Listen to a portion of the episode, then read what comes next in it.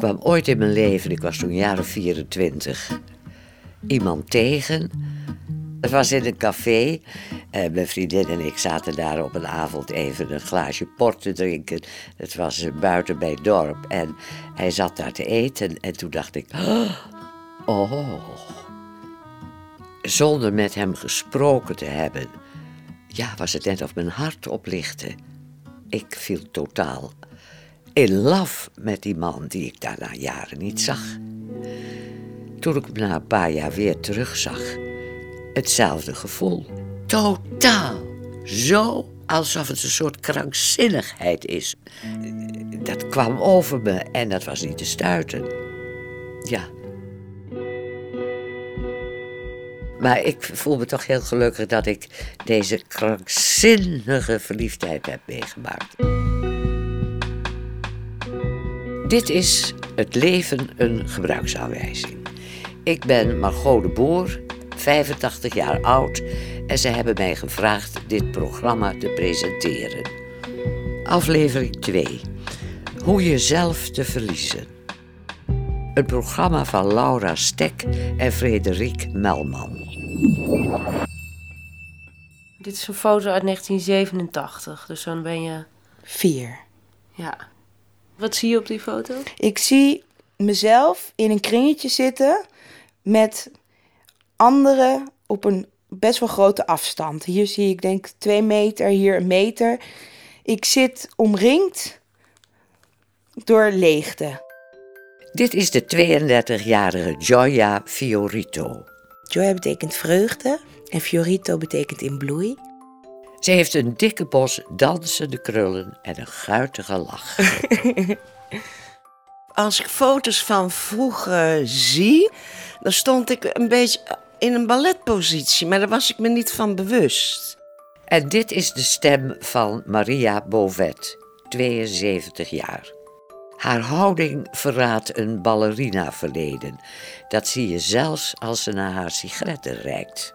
Eigenlijk heel bescheiden verlegen meisje. Ja. Maar behalve als ik op toneel stond, dan kwam opeens alles eruit. Dan werd ik heel brutaal, bij wijze van spreken.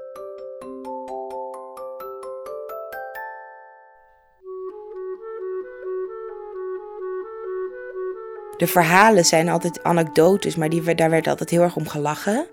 Er werd om gelachen dat ik door de velden van mijn overgrootvader rende tussen de koeien en riep: Van mij, van mij. Dit is allemaal van mij. En uh, dat ik mijn blote billen aan de koeien liet zien. En dat werd niet echt geproblematiseerd, maar dat werd meer gezien als een soort uh, grappige ervaring of zo. Lekker gek. Lekker gek, ja. Dus dat, dat lekkere gek, dat werd ook heel erg gevierd. En mijn ouders vonden dat ook gewoon, ja, een dochter met karakter.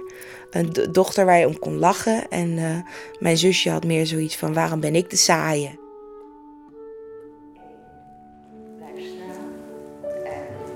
Het was 1957, toen kwam ik als 14-jarig meisje bij toen Malig Nederlands Ballet. Ze noemden ons babyballerinas, samen met Astrid Liefding. Omdat we heel jong al heel veel konden doen, technisch. Dus we werden een soort wonderkindjes. Mevrouw noemde ons, jullie zijn wonderkindjes. Met dansen en zingen uh, was er ook een enorme gedrevenheid. Dat mijn zusje en ik heel veel optraden en heel veel zongen en heel veel dansen. Dus er is, er is in, die, in, in dat gedreven en in dat enthousiasme zit ook talent. Het is alleen het moment dat het destructief wordt in plaats van creatief.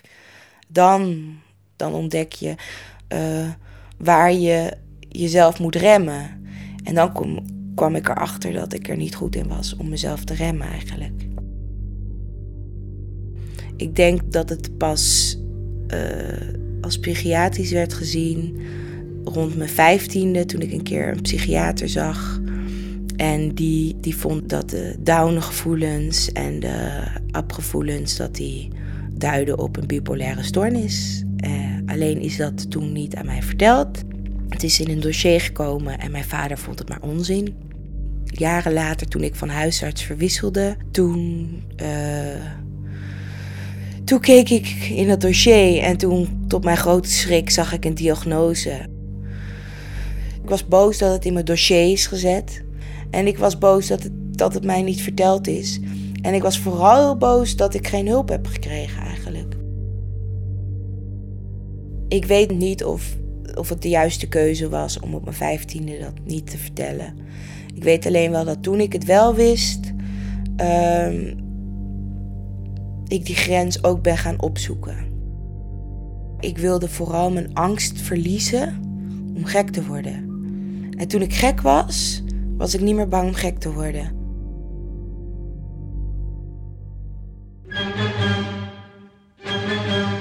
Ik moest plotseling in twee dagen Giselle dansen.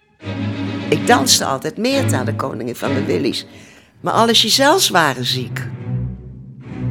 Ze ontmoet een prins, maar die blijkt al verloofd te zijn. En dan wordt ze gek.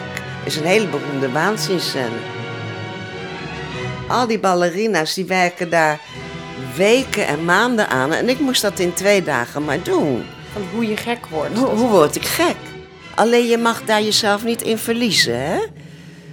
Want je moet toch het, het eind van het ballet halen.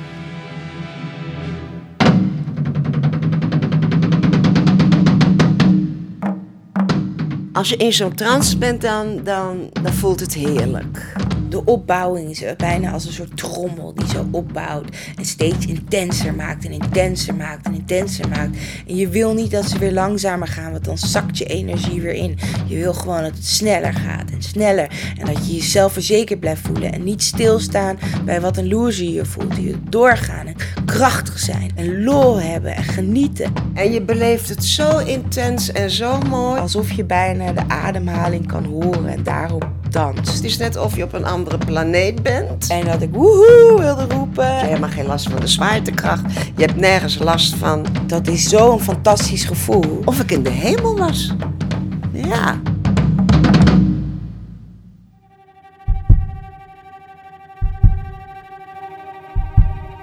De eerste keer was ik vooral heel veel Afrodite, de godin van de liefde. Dus ik was eigenlijk ook een soort diva. En ik vond mezelf ook heel erg mooi. Ik was ook behoorlijk zelfobsessed. Ik vond mezelf heel erg interessant. Interessant genoeg om urenlang mezelf te fotograferen. Dat amuseerde mezelf gewoon. En ik vond ook de gekte die ik creëerde, vond ik ook heel erg interessant. Dus ik wou het ook eigenlijk aan iedereen laten zien. Een van de dingen was dat ik heel erg dacht dat ik een godinnenleger moest creëren. Dat ik moeder aarde wou redden door alle sigaretten bij de tuin van de kliniek op te ruimen. In de kliniek had ik wel een paar volgers. De een haalde me water, de ander pakte sigaretten voor me, de ander beschermde me. Dat was eigenlijk best wel kicken. Je kunt je heel goed voelen, heel fit. En denken van, oh heel lekker, leuk, leuk. En als je dan nerveus wordt en dan krijg je doemdenken, dan gaat alles mislukken. En dat is de hel. De tweede keer had ik ook meer het idee dat ik Persephone was en dat ik, dat ik de onderwereld inging. En de hel die, die is aanwezig als je hem niet verwacht. Heb ik hier in Londen lang uit in de kleedkamer gelegen. Ik denk, ik kan niet meer. Hoe kom ik de voorstellingen door? Ik het gaat gewoon niet meer. Hoe red ik dat? Toen verloor ik bewustzijn. Als in dat het niet meer leuk was. Omdat ik het niet meer begreep. Omdat ik gewoon wakker werd met blauwe plekken op mijn armen waar ze me vastgegrepen hadden. Dan ga je bang worden voor alles wat je moet gaan doen. Dan voel je opeens, oh, ik zit in de onderwereld. Oh ja, straks komt die dubbele pirouette attitude. Ik zit hier in een kliniek. Oh, straks moet ik 48 voertees draaien. Oh, ik word met naalden word ik platgespoten. Oh, ik word opgesloten. Oh, dit is een hel. Dit wil ik helemaal niet. Wat doe ik hier?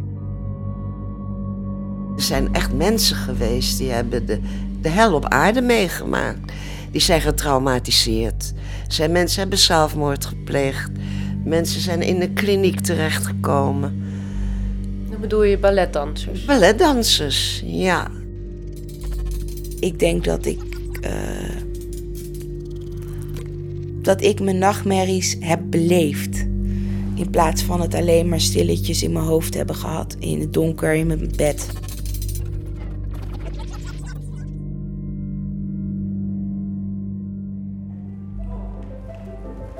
Ben ik erg ziek geworden. En toen zeiden ze in het ziekenhuis: nee, je moet echt stoppen met dansen, want het wordt te gevaarlijk. Na een jaar, toen ik ben gestopt met dansen, ben ik na een jaar ben ik ingestort. En dat was dus het punt. Toen kwam ik mezelf tegen. Toen dorst ik de straat niet meer op, ik dorst geen winkel meer in. Ging ik naar buiten. Ik woonde toen in de Ferdinand Bolstraat. Toen had ik eindelijk weer een woning. En dan ging ik naar buiten, ging ik de markt op, weet je, de Albert Kuip. En dat ging nog wel open lucht, maar dan ging ik winkels in en dan, dan werd ik knettergek. Werd ik knettergek van. Ik heb gedacht bij mezelf, je danst niet, je bent dans. Het was het enige wat ik kende, snap je wel? Wat me nu heel erg verdrietig maakt, is het idee dat ik zinvol moet zijn voor de gemeenschap, voor de wereld, voor de familie. Ik betekent niets. Ik, ik, eh, wat, wat, wat presteer ik? Wie ben ik? Want dat was het ergste. Wie ben ik als mens? Ik ben afgekeurd. Ik weet niet wat dat betekent. Qua of ik afgekeurd ben als mens of gewoon afgekeurd om te werken. Want iedereen kent je als Bovetje de danseres. Niemand was geïnteresseerd in de mens. Ja, dan heb ik eigenlijk liever dat ik denk dat ik een godin van de liefde ben die een hele belangrijke missie op aarde heeft. Ja, daar verlang ik dan wel naar.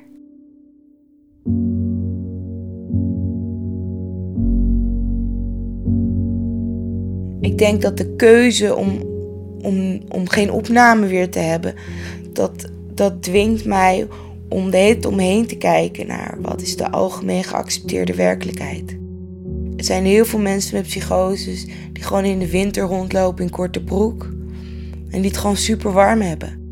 En andere mensen die gewoon in een hartje zomer eh, eh, zitten te bibberen en gewoon drie lagen hebben omdat ze van binnen zo koud zijn. Dat is niet de ge- algemeen geaccepteerde werkelijkheid, maar die subjectieve ervaring is de realiteit op dat moment. Dat ik nu normaler ben en dat ik thuis zit en dat ik eh, geen grote drama's in mijn leven heb. Dat is dan vanuit de psychiatrie een vooruitgang. Slaapt goed, eet goed. Als een soort check, check, check. Het gaat goed. En dan, als ik dan terugdenk over psychose, dat alles betekenis had. Dat, dat was gewoon heel erg mooi. Zelfs in het idee dat ik in een hel zat, zat meer betekenis dan in de vlakheid van, van het stabiele. Een sprankje of een magie of een ja, betekenis.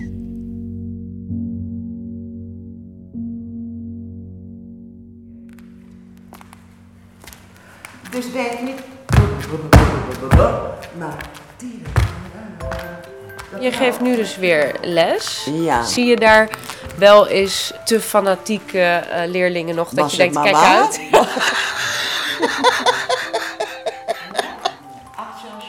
Wat ik dus mis, en het is nu wel beter geworden, maar dat is echt tot het uiterste gaan. Het willen. Jezelf willen verliezen eh, in dans of jezelf willen verliezen in een muziek of opgaan in een moment. En daar genoot ik heel erg van. En nu is jezelf verliezen opeens iets beangstigends geworden. Ik moet één keer per maand gewoon uit mijn bol gaan, anders red ik het niet. Ik ga lekker kokkerellen en ik zet een leuk muziekje op. Ik ben nou weer helemaal eh, gek van Leonard Cohen, ben ik altijd al geweest. Neem ik een glas wijn en dan sta ik hier een beetje raar te doen. Niet echt dansen, maar gewoon leuk lekker bewegen. Als ik sterker in mijn schoenen sta, kan ik iedereen proberen te overtuigen om, om samen met ogen dicht te dansen zonder muziek. Als ik sterker in mijn schoenen sta, kan ik mijn werkelijkheid misschien ook wel verkopen aan de rest van de wereld. Dance me to your beauty with a burning violin. Dance me through the panic till I'm gathered safely in. Lift me like an olive branch and be my homeward dove. Dance me to the end of love. Dance me to the end of love. Oh, let me see your beauty when the witnesses are gone. Let me feel you moving like they do in Babylon. Show me slowly what I only know the limits of. Oh, dance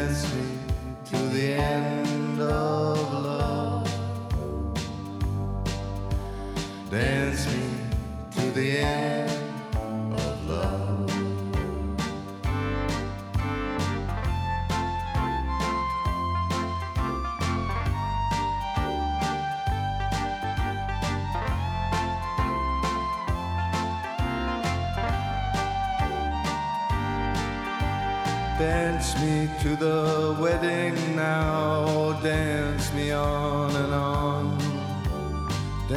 me very tenderly and dance me very long. We're both of us beneath our love, we're both of us above. Dance me to the end of love. Dance me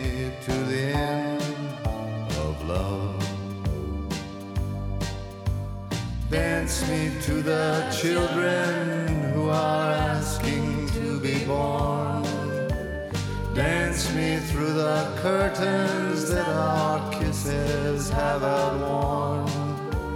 Raise a tent of shelter now, though every thread is torn.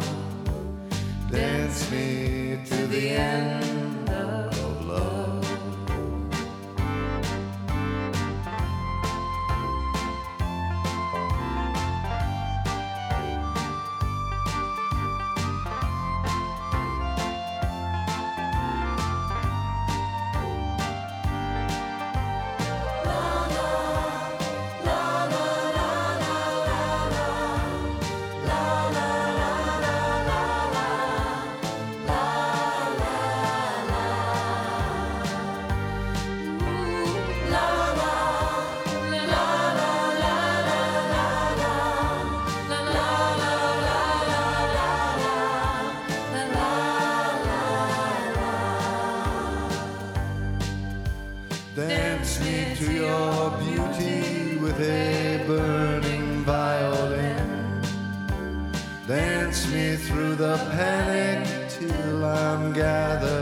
safely in. Touch me with your naked hand, touch me with your glove. Dance me to the end of love. Dance me to the end of love. Dance me to the end.